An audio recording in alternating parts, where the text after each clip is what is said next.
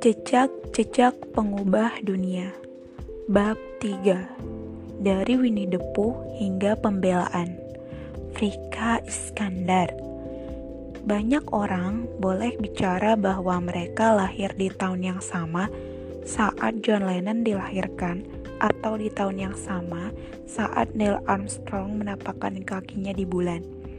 Tapi, saya lahir pada tahun 1981 tahun saat AIDS ditemukan. Frika Iskandar dilahirkan dari keluarga China di Indonesia. Sekarang di usia pertengahan 20-an, ia mampu berpidato dengan kefasihan melebihi usianya. Ia merupakan perwakilan dari Asia Pacific Network of People Living with HIV AIDS atau APN Plus dan berkantor di pusat kota Bangkok Bangunan kantornya kecil dan berseberangan dengan gedung menjulang yang megah, tempat limusin sering terlihat keluar masuk. Frika berperawakan kecil dengan rambut hitam pendek dan sepasang mata bersorot tajam dan dalam. Namun, semangat atau aspirasinya tak bisa dianggap kecil. Frika membenarkan bahwa kedua matanya terbuka pada satu masalah yang dia sendiri tidak pernah berpikir akan berdampak begitu besar kepadanya. Yang terjadi pada tahun 1999 begitu juga yang dialami kedua orang tuanya. Saat menghadapi kenyataan kejam seperti itu, Frika Iskandar mulai memahami makna dari tahun kelahirannya, tahun saat penyakit AIDS ditemukan. Suatu hari, ia terbangun di sebuah rumah sakit mahal di Jakarta dengan kedua orang tua dan seorang dokter berada di sampingnya. Ia dibawa ke rumah sakit untuk memulihkannya dari kecanduan heroin yang membuatnya mulai menyuntik diri sendiri. Saat dirinya sedang tidur, para perawat mengambil sampel darahnya untuk menjalani serangkaian tes, salah satunya tes HIV.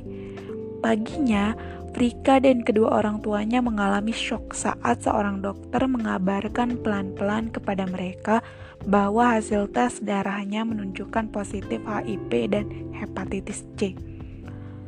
Pada masa itu di Indonesia, mengidap HIV dianggap sama dengan hukuman mati. Namun, kata Frika, dokter itu menyampaikan berita buruk tersebut, seperti saya ini sedang menderita demam atau sakit lain dia mengabarkannya seolah-olah hal itu tidak akan mengubah hidup saya pada saat itu. Bahwa Anda mengidap HIV dan hepatitis C, tidak ada izin atau untuk memberitahu orang tuanya, dan tidak ada bantuan konseling untuk saya. Frika berasal dari keluarga berada. Kedua orang tuanya lahir dalam masyarakat China di Borneo yang kemudian pindah ke Jakarta. Seperti kakek dan neneknya yang pengusaha, Orang tua Frika pun memiliki berbagai lahan bisnis termasuk bisnis restoran. Didominasi oleh Buddha, Konghucu, atau Kristen, secara etnis dan agama masyarakat China termasuk kelompok minoritas di Indonesia. Suatu negara yang terdiri atas 17.000 kepulauan dengan 6.000 di antaranya berpenghuni. Kenyataannya, agama yang dominan adalah Islam. Indonesia memiliki populasi Muslim terbesar dibandingkan dengan negara lain. Dengan berbagai etnis, masyarakat China cenderung mampu berbisnis dengan baik, dan sejak negara tersebut merdeka, mereka dianggap bersekutu dengan bekas kolonial Belanda atau komunis. Kapan pun terjadi kerusuhan atau kekerasan politik, masyarakat China selalu menjadi sasaran utama. Pada tahun 1965 hingga 1966, semasa peralihan dari Presiden Soekarno kepada Presiden Soeharto, para terpelajar secara umum setuju bahwa ada sekitar 500.000 jiwa terbunuh di Indonesia. Banyak di antaranya merupakan etnis China pada tahun 1967, Soeharto juga membuat Undang-Undang Dasar Kebijakan Solusi Masalah China, suatu bahasa menakutkan yang mirip dengan yang diterapkan terhadap masyarakat Yahudi pada masa pembantaian massal oleh Nazi. Kantor-kantor redaksi surat kabar berbahasa China ditutup. berbagai lambang keagamaan masyarakat China dilarang terlihat di luar rumah. Sekolah-sekolah berbahasa China pun ditutup. Meskipun ayah Frika tetap mempertahankan nama China yang digunakannya, keluarga dari pihak ibu terpaksa mengadopsi nama Indonesia. Namun, pendidikan Frika relatif normal. Ia bersekolah di sekolah dasar swasta di Jakarta. Begitu juga kedua adik perempuannya dan ia ingat betapa ia sangat menyukai film kartun Winnie the Pooh di televisi saat masih kanak-kanak. Merupakan suatu hal lazim bagi keluarga-keluarga mampu di Indonesia mengirimkan anak-anak mereka ke luar negeri demi mendapatkan pendidikan yang lebih baik. Frika, sebagai anak perempuan pertama dalam keluarganya, dikirim ke Singapura untuk pendidikan sekolah menengah pertamanya. Selama dua tahun pertama, Frika tinggal bersama sebuah keluarga Singapura yang bertindak sebagai wali buatnya. Lalu, setelah melalui suatu pengaturan yang dibuat agen sekolahnya, ia pun tinggal sendiri di apartemen dalam satu kompleks dengan apartemen para pelajar lain yang diawasi seorang wali lainnya. Adik perempuannya pun kemudian dikirim juga ke Singapura dan tinggal bersamanya. Pengalaman pertama Frika bersentuhan dengan heroin terjadi selama perjalanan dua hari ke Jakarta untuk menghadiri pembukaan sebuah mal milik sang ayah. Pada saat jamuan, ia bertemu dengan anak gadis dari teman ayahnya, dan mereka pun terlibat perbincangan, menjalin persahabatan. Setelah itu, pergi meninggalkan tempat itu bersama. Malam itu, si gadis mengaku pada Frika bahwa dia menggunakan heroin dan menawarinya sedikit. Dengan rasa ingin tahu, Frika setuju untuk mencobanya dan mereka pun meramunya bersama. Rasanya tidak enak, pahit, tidak ada rasa manisnya sama sekali. Saya pun muntah. Kembali ke Singapura, Prika mengalami perasaan khas remaja yang merasa kesepian dan gelisah. Ia jauh dari rumah. Saya tidak memiliki cukup rasa percaya diri saat remaja. Saya ingin bergabung dalam suatu kelompok yang saya anggap keren. Saya merasa tubuh saya gemuk, pendek, dan wajah saya jelek tapi saya ingin menganggap diri saya keren. Gadis yang ia kenal pada pembukaan mal milik sang ayah kebetulan juga bersekolah di Singapura, dan di situlah mereka bertemu kembali. Ia mengajak saya mencoba heroin sekali lagi, hingga kamu merasa melayang. Begitu katanya. Kali ini, perasaan yang didapatkannya memang melayang. Saya merasa saya berada di dunia saya sendiri. Ini merupakan kejutan bagi Frika Kedua orang tuanya selalu mengajarinya bahwa narkoba adalah suatu bentuk kejahatan dan sebaiknya ia tidak pernah mencobanya. Tapi apa yang tidak mereka ceritakan kepada saya adalah bahwa narkoba menyenangkan, bisa membuat kamu benar-benar melayang dan merasa lebih baik. Sambil berusaha menyesuaikan diri, Rika berkenalan dengan beberapa teman si gadis itu dan mulai menggunakan heroin lebih sering. Pada titik ini hanya meramunya, pada saat itu, saya bahkan tidak pernah merokok. Banyak orang memulainya dari merokok terlebih dahulu, kemudian mencoba ganja atau alkohol. Tapi saya tidak seperti itu. Saya langsung mencoba heroin. Seperti juga perokok lain, ia membuat perandaian klasik. Saya pikir saya mungkin akan mencobanya sekali saja, tapi saya malah mencobanya dua kali dan saya pun kecanduan. Dalam masa bulan madu pertama, memang terasa nikmat, Heroin membuat saya melayang dan lupa dunia sekitar selama beberapa saat. Saya merasa jauh lebih percaya diri saat menggunakan narkoba. Dengan cepat saya masuk ke dalam tahap akhir heroin saat saya benar-benar kecanduan. Ia akhirnya menyadari apa yang dimilikinya, tetapi narkoba sudah mengambil alih seluruh perasaan bersahabat dengan teman-teman lain di sekolah. Jika perasaan itu ada, hanya narkobalah yang menjadi temannya. Setelah benar-benar kecanduan, kita menjadi rakus, egois. Kita saling menusuk teman dari belakang untuk melihat siapa yang menggunakan narkoba lebih banyak atau siapa yang sebaiknya mendapatkan lebih banyak narkoba. Maka, pada tahun 1998, saat kembali ke Indonesia, pada akhir masa transisi kekuasaan terbesar, masyarakat China sekali lagi menjadi sasaran banyak perempuan yang diperkosa dan berbagai usaha milik masyarakat China pun dibakar dan dijarah. Meskipun tidak seorang pun dari keluarga Afrika yang terluka, ayahnya kehilangan banyak usaha. kedua orang tuanya tidak mampu lagi membiayai kedua anak gadisnya bersekolah di Singapura, hingga mereka pun menarik adik Prika pulang kembali ke rumah. Prika tinggal sendiri di kota besar lagi. Biaya untuk menunjang kecanduannya juga meningkat seiring dengan ketagihannya yang makin tinggi. Ia sudah tak mungkin lagi menulis surat dan meminta kiriman uang kepada orang tuanya untuk membiayai kecanduannya. Untuk membiayai kecanduannya yang meningkat, jadi ia memutuskan untuk melakukan kejahatan kecil. Demi menghemat uang, ia mulai berbagi jarum suntik meskipun tahu dan pernah belajar di sekolah tentang bahaya HIV. Saya mendapat informasi itu saat saya duduk di sekolah menengah atas di Singapura. Jadi dibandingkan dengan Indonesia, tempat kita biasanya tidak mendapat pendidikan tentang HIV di sekolah menengah atas, saya sudah mendapatkan pendidikan itu. Tapi karena masalah kecanduan ini, saya menjadi sosok yang tidak peduli. Inilah yang disebut dengan karakter pencandu. Saya tidak peduli apa pun selama saya dapat memakainya. Saya hanya melihat bagaimana hari itu saya bisa mendapat dosis narkoba yang saya butuhkan. Ia juga mengerti tentang bahaya menggunakan heroin di suatu tempat, seperti di Singapura. Inilah negara dengan kebijakan tanpa toleransi serta terkenal kejam dalam mengeksekusi mereka yang tertangkap membawa narkoba. Namun, ia tetap bergeming dengan bahaya atas hidup dan matinya ini. Sementara itu, orang tua Frika di Jakarta memutuskan untuk berbicara dengan orang tua dari salah satu teman sekolahnya. Mereka tahu bahwa si anak menggunakan heroin dan orang tua Frika curiga jika Frika menggunakannya juga. Pada saat itu, Frika berumur 18 tahun dan sudah menggunakan heroin secara serius sejak berumur 16 tahun. Saat ia berlibur ke Jakarta, orang tuanya membawanya ke rumah sakit untuk menjalani tes urin. Sejak itulah mereka berdua mengetahui bahwa anak gadisnya seorang pecandu heroin. Mereka mengikutkannya dalam program detox di sebuah rumah sakit swasta dan di situlah saat Perika tak sadarkan diri, tes darah yang mengubah hidupnya dilakukan.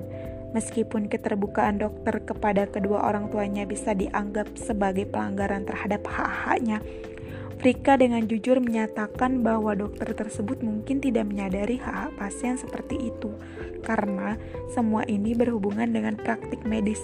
Dengan penuh rasa khawatir terhadap putrinya, orang tua Frika meminta saran dokter tentang langkah apa yang sebaiknya mereka ambil.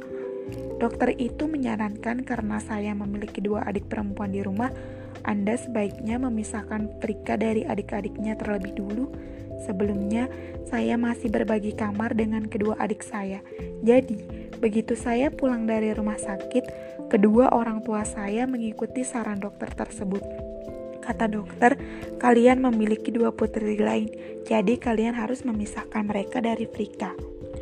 Maka, selagi Frika berusaha sembuh dari kecanduan heroin dan harus menghadapi kenyataan bahwa ia mengidap HIV, ia juga harus menghadapi diskriminasi dari keluarganya sendiri berdasarkan perintah dokter. Terkadang, dokter-dokter itu bertindak bagaikan Tuhan. Mereka datang dengan suatu saran meskipun mereka sebenarnya tidak tahu jawabannya. Itulah yang membuat saya marah. Saya ingin membunuh dokter itu, kenang Frika. Tapi sekarang saya sudah lupa siapa namanya. Ia pun tersenyum. Mengikuti perintah sang dokter, pertama-tama kedua orang tua Frika memisahkan tempat tinggal Frika. Ia pindah ke kamar yang berbeda dari kedua adiknya, tetapi pemisahan yang paling sulit adalah saat waktu makan, kenangnya. Orang tuanya berusaha memisahkan peralatan makannya tanpa disadari adik-adiknya apa yang sedang terjadi. Mereka ingat pada film kartun yang dulu pernah menjadi film kartun kesayangannya saat masih kanak-kanak. Mereka melakukannya dengan cara yang manis. Kata mereka, kamu suka Winnie the Pooh bukan? Mari kita beli peralatan makan dengan karakter Winnie the Pooh. Peralatan makan itulah yang akan saya gunakan. Tapi saat kami makan bersama, semua lauk diletakkan di tengah meja dan kami seharusnya mengambil lauk kami sendiri menggunakan sendok. Terkadang saya lupa menggunakan sendok penghidangan yang mereka gunakan, bukan menggunakan sendok saya sendiri. Lalu, mereka pasti membuang sendok itu, dan itu menyakitkan.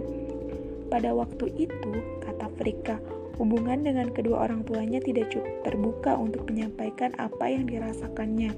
Ia tidak yakin jika semua itu hanyalah karena ia pemalu, terlalu pendiam, atau budaya menjadi salah satu penyebabnya sehingga ia diharapkan menyimpan perasaannya hanya untuk diri sendiri. Mungkin juga kombinasi dari semua hal tersebut, tapi apa yang tidak disadari kedua orang tuanya adalah betapa pemisahan itu menyakiti hati putri mereka. Rasa sakitnya begitu dalam. Saya tidak tahu lagi apa yang bisa saya lakukan di rumah. Jadi, saya kembali lagi menggunakan heroin karena kesendirian membuat saya gila. Kesendirian itu makin diperburuk kenyataan bahwa tak ada seorang pun di luar keluarganya yang mengetahui statusnya sebagai pengidap HIV. Aib yang harus ditanggung masih terlalu besar dan keluarga menyimpan rahasia itu dalam-dalam. Saat menceritakan kembali periode dalam hidupnya ini, Prika mulai menangis. Kesendiriannya saat menggunakan peralatan makan Winnie the Pooh di usianya yang sudah 18 tahun, berusaha keras lepas dari kecanduan heroin dan menghadapi HIV seorang diri. Semua tampak terlalu berat untuk ditanggungnya. Winnie the Pooh hanyalah seekor beruang yang sangat suka makan madu dan disayangi. Prika berhenti sejenak saat mengingat kembali efek pengasingan itu. Ia berpikir bahwa mungkin jika bukan satu-satunya pengidap HIV, ia tidak akan merasa begitu sendiri. Ada kemarahan dalam diri saya saat saya merasa ingin menularkan virus itu kepada banyak orang. Saya merasa Mengapa hanya saya saja yang tertular? Jika saya bisa bersama-sama dengan yang lain, maka kami pasti akan merasakan diskriminasi itu bersama-sama. Tidak hanya saya yang mengalaminya, karena saya merasa begitu kesepian saat itu. Saya kecewa dengan bagaimana orang-orang memperlakukan saya. Saya marah terhadap diri sendiri. Kenapa saya? Bagaimana saya bisa melibatkan diri sendiri dalam masalah seperti ini? Saat kembali menggunakan heroin, Rika bergabung dalam beberapa kelompok di Jakarta yang dikenalnya dan sambil memahami bahwa di situlah awal bagaimana ia sampai tertular HIV. Ia pun berbagi jarum suntik dengan mereka. Jakarta bukanlah suatu kota tempat kita bisa mendapatkan jarum suntik dengan mudah tapi yang lebih penting, ia ingin menghindari perasaan terkucilkan itu. Bahkan, pada momen-momen saat tidak berniat menularkannya kepada yang lain dengan kemauan sendiri, ia terus berbagi jarum suntik dengan yang lain. Khawatir jika ia tidak melakukan hal itu, pengguna lain juga akan mendiskriminasikan saya, dan mereka pun akan meninggalkan saya seorang diri. Akhirnya, Rika menyadari ia tidak bisa terus seperti itu. Bahkan, saat bersama dengan pengguna lain, ia tetap merasa terkucilkan. Ia ingin dan butuh keluar dari rasa kesendirian itu. Maka, ia pun berhenti bertemu dengan orang-orang yang berbagi jarum suntik dengannya. Beberapa bulan kemudian, dengan bantuan kedua orang tuanya, ia menjalani program rehabilitasi baru. Pusat rehabilitasi ini dibuka pada tahun yang sama di saat ia pertama kali mengetahui tentang status HIV yang diidapnya. Nama tempat tersebut dalam bahasa Indonesia adalah Yayasan Harapan Permata Hati Kita yang disingkat menjadi Ya Kita atau Ya Kita. Organisasi tersebut didirikan oleh David Gordon, seorang mantan pecandu heroin dan beristrikan Joyce, orang Indonesia yang bekerja sebagai seorang psikolog Mungkin hal ini merupakan sebuah bonus bagi Prika saat bertemu yang lain seperti dirinya, David, seorang pria Yahudi yang bekerja di negara Muslim Indonesia. Tetapi di pusat rehabilitasi inilah Prika akhirnya menemukan penerimaan yang selama ini ia cari. Saya menganggap David sebagai mentor saya karena dialah berkat dia dan Joyce akhirnya saya bisa menjadi diri saya sekarang ini mereka memberi saya kesempatan. Mereka menunjukkan pintu kesempatan itu. Saya harus berjalan melewatinya. Ya, mereka menuntun saya, menunjukkan kepada saya bagaimana membuka pintu itu. Sebagai mantan pecandu, David memahami bahwa Frika dan yang lain yang sedang berusaha terlepas dari narkoba akan merasakan suatu rasa kehilangan. Bukan hanya masalah kecanduan heroin secara fisik saja yang akan mereka hadapi, tapi juga segala sesuatu yang mengiringinya. Ada empat tahap, bukan? Tahap fisik, mental, emosional, dan spiritual. Saya sudah melewati tahap fisik saat tubuh saya sudah tidak membutuhkan heroin lagi. Tapi secara mental saya merindukannya. Saya rindu pada seni menggunakannya, seni mendapatkan narkoba itu, perasaan senang saat membakarnya. Tapi secara fisik saya tidak membutuhkannya. David dan Joyce membantu Frika tetap fokus pada kesehatan mental dan emosionalnya juga, serta memasukkannya ke dalam kelompok dukungan bagi orang-orang dengan HIV positif sebagai bagian dalam programnya. Meskipun kebanyakan orang hanya tinggal dan kursus selama 1 hingga 6 bulan, Frika tinggal di sana selama 2 bulan demi membangun rasa percaya diri. Bukan hanya Frika yang mendapat manfaat dari program ini, tetapi juga kedua orang tuanya. Terkadang mereka mengikuti sesi khusus untuk orang tua. Mereka belajar tentang HIV dan bagaimana menghadapinya. Dan pada saat itulah ibu dan ayah saya mulai berubah sedikit banyak. Misalnya dalam budaya Asia mengenai hubungan saya dengan kedua orang tua. Dulu kami tidak terlalu bebas membicarakan apa yang saya rasakan. Dan saat itulah masa-masa saat hubungan saya dengan ayah dan ibu tidak terlalu terbuka.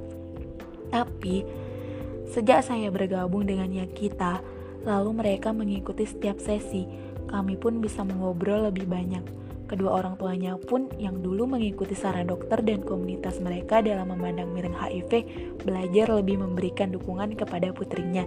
Akhirnya, mereka menjadi lebih membuka diri secara emosional. Semua itu membantu saya. Kami dapat mengobrol, kami dapat ngobrol lebih banyak Ayah saya merupakan sosok yang tidak ingin menunjukkan emosi. Ayah dibesarkan dengan latar belakang yang sering menegaskan bahwa jika kamu laki-laki, kamu tidak boleh menangis. Jika kamu menangis, kamu bukan laki-laki. Pada salah satu sesi khusus orang tua dia kita, ayah akhirnya menangis. Dia melepaskan seluruh pertahanannya. Dia benar-benar menangis. Setelah sesi itu, ayah menjadi jauh lebih terbuka dan saya bisa berbicara lebih banyak dengannya. Saya pikir semua mungkin akan berbeda jika orang tua memasukkan saya ke pusat rehabilitasi dan membiarkan saya berubah sendiri tanpa keterlibatan mereka. Tapi, sisi baiknya adalah saat saya tinggal di tempat itu, mereka datang setiap minggu untuk mengunjungi saya dan mengikuti sesi khusus orang tua. Mereka duduk di sana, bersedia mendengarkan dan belajar. Saya ya rasa itulah yang membuat mereka juga berubah. Dengan dukungan program tersebut dan kedua orang tuanya, Rika mulai berbicara melampaui dirinya sendiri dan menjangkau masyarakat yang lebih luas, yaitu berbicara kepada anak muda di sekolah-sekolah. Sebagai seorang mantan pemakai narkoba, saya tahu dulu saya egois. Pada hari-hari itu, saya akan bangun di pagi hari dan berpikir, apa sebaiknya yang saya lakukan agar saya merasa melayang? Atau di mana narkoba yang saya simpan? Segalanya hanya tentang saya tapi sekarang saya mulai merasa apa yang dapat saya lakukan untuk membantu orang lain. Itulah saat yang menentukan bagi saya, titik balik saya. Saat saya berbalik dari rasa kecanduan dan mulai memahami siapa saya sebagai seorang pecandu dan sebagai mantan pecandu. Setelah itu, saya mulai berlaku positif, belajar bagaimana menghadapi semua ini dan berbicara dalam kelompok-kelompok kecil di berbagai seminar yang diadakan sekolah-sekolah. Makin banyak berbicara dengan anak muda mengenai HIV, ia merasa makin baik. Ini bukan berarti ia merasa hebat setiap pagi atau tak pernah terlibat perselisihan dengan David Gordon. Kenyataannya, ia merasa kecewa terhadap sikap David yang menentang hubungannya dengan sang pacar, yang kelak menjadi suaminya. Sepanjang yang David pahami, pacar Frika juga terlibat dalam program di tempat itu dan hubungan yang terjadi di antara dua anggota dianggap melanggar peraturan. Tapi, perasaan yang lebih kuat daripada kemarahannya itu pun muncul dalam bentuk perasaan yang ia dapatkan selama bekerja sama dengan David dan masyarakat yang lebih luas saat mengunjungi sekolah-sekolah. Saat mengunjungi sekolah-sekolah. Saya merasa seolah-olah bisa berbagi kisah hidup sehingga orang lain tidak akan pernah mengalami hal yang sama. Saya bisa mencoba mengubah hidup seseorang sebelum mereka jatuh ke dalam narkoba. Jika orang sudah ketagihan, saya dapat memberitahu apa yang bisa mereka lakukan untuk mendapatkan pertolongan. Itu merupakan suatu perasaan saat saya benar-benar bisa melakukan sesuatu. Sebelumnya, apa yang saya rasakan adalah bahwa saya seperti barang rongsokan atau junk. Karena itu mereka menyebutnya pemadat atau junkie. Tapi sekarang saya merasa berguna. Namun kemudian ada beberapa keputusan yang harus diambil tentang kehidupan setelah keluar dari rehabilitasi. Sekarang ia sudah bersih dan tenang, serta masih muda. Ia bisa kembali ke sebuah kehidupan normal, maka ia memutuskan untuk membuka toko pakaian sendiri dengan ketajaman bisnis yang menjadi ciri khas keluarganya, ia mampu mencapai kesuksesan dan kembali membuka dua toko lain di tahun pertama usahanya. Tapi, jika tidak sedang bekerja di toko-tokonya, ia menjadi relawan di sebuah LSM. Karena bekerja tanpa henti, virus yang diidapnya pun bertambah kuat dan sistem kekebalan tubuhnya mulai menurun. Ia hanya punya satu pilihan mengikuti mimpinya untuk melakukan pekerjaan sosial atau tetap menjalankan bisnisnya. Namun, ada faktor lain yang juga muncul. Sebagai anak pertama dalam keluarga, ia merasa kedua orang tuanya masih menginginkannya meneruskan atau mengambil alih bisnis keluarga yang mereka miliki. Jadi, yang ia lakukan adalah meninggalkan bisnis toko bajunya.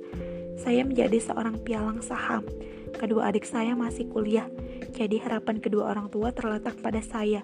Mereka memiliki perusahaan bursa saham dan saya berkantor di sana untuk mengelola sekaligus menjadi pialangnya. Pada saat yang bersamaan, saya menjadi relawan untuk beberapa organisasi nirlaba. Begitu selesai penutupan saham pada sekitar pukul 2 siang, saya langsung meninggalkan kantor karena tidak ingin terus berada di sana. Saya pikir hati saya seperti sudah terpanggil saya ingin melakukan sesuatu berkaitan dengan HIV. Setelah empat bulan berlalu, saya sadar tak bisa seperti ini terus ibu melihat semangat besar dalam diri saya untuk melakukan pekerjaan LSM. Pada beberapa kesempatan, saya menceritakan kepada orang tua tentang apa yang saya pelajari dari LSM serta berbagi isu yang terjadi, dan itulah yang mengubah segalanya. thank you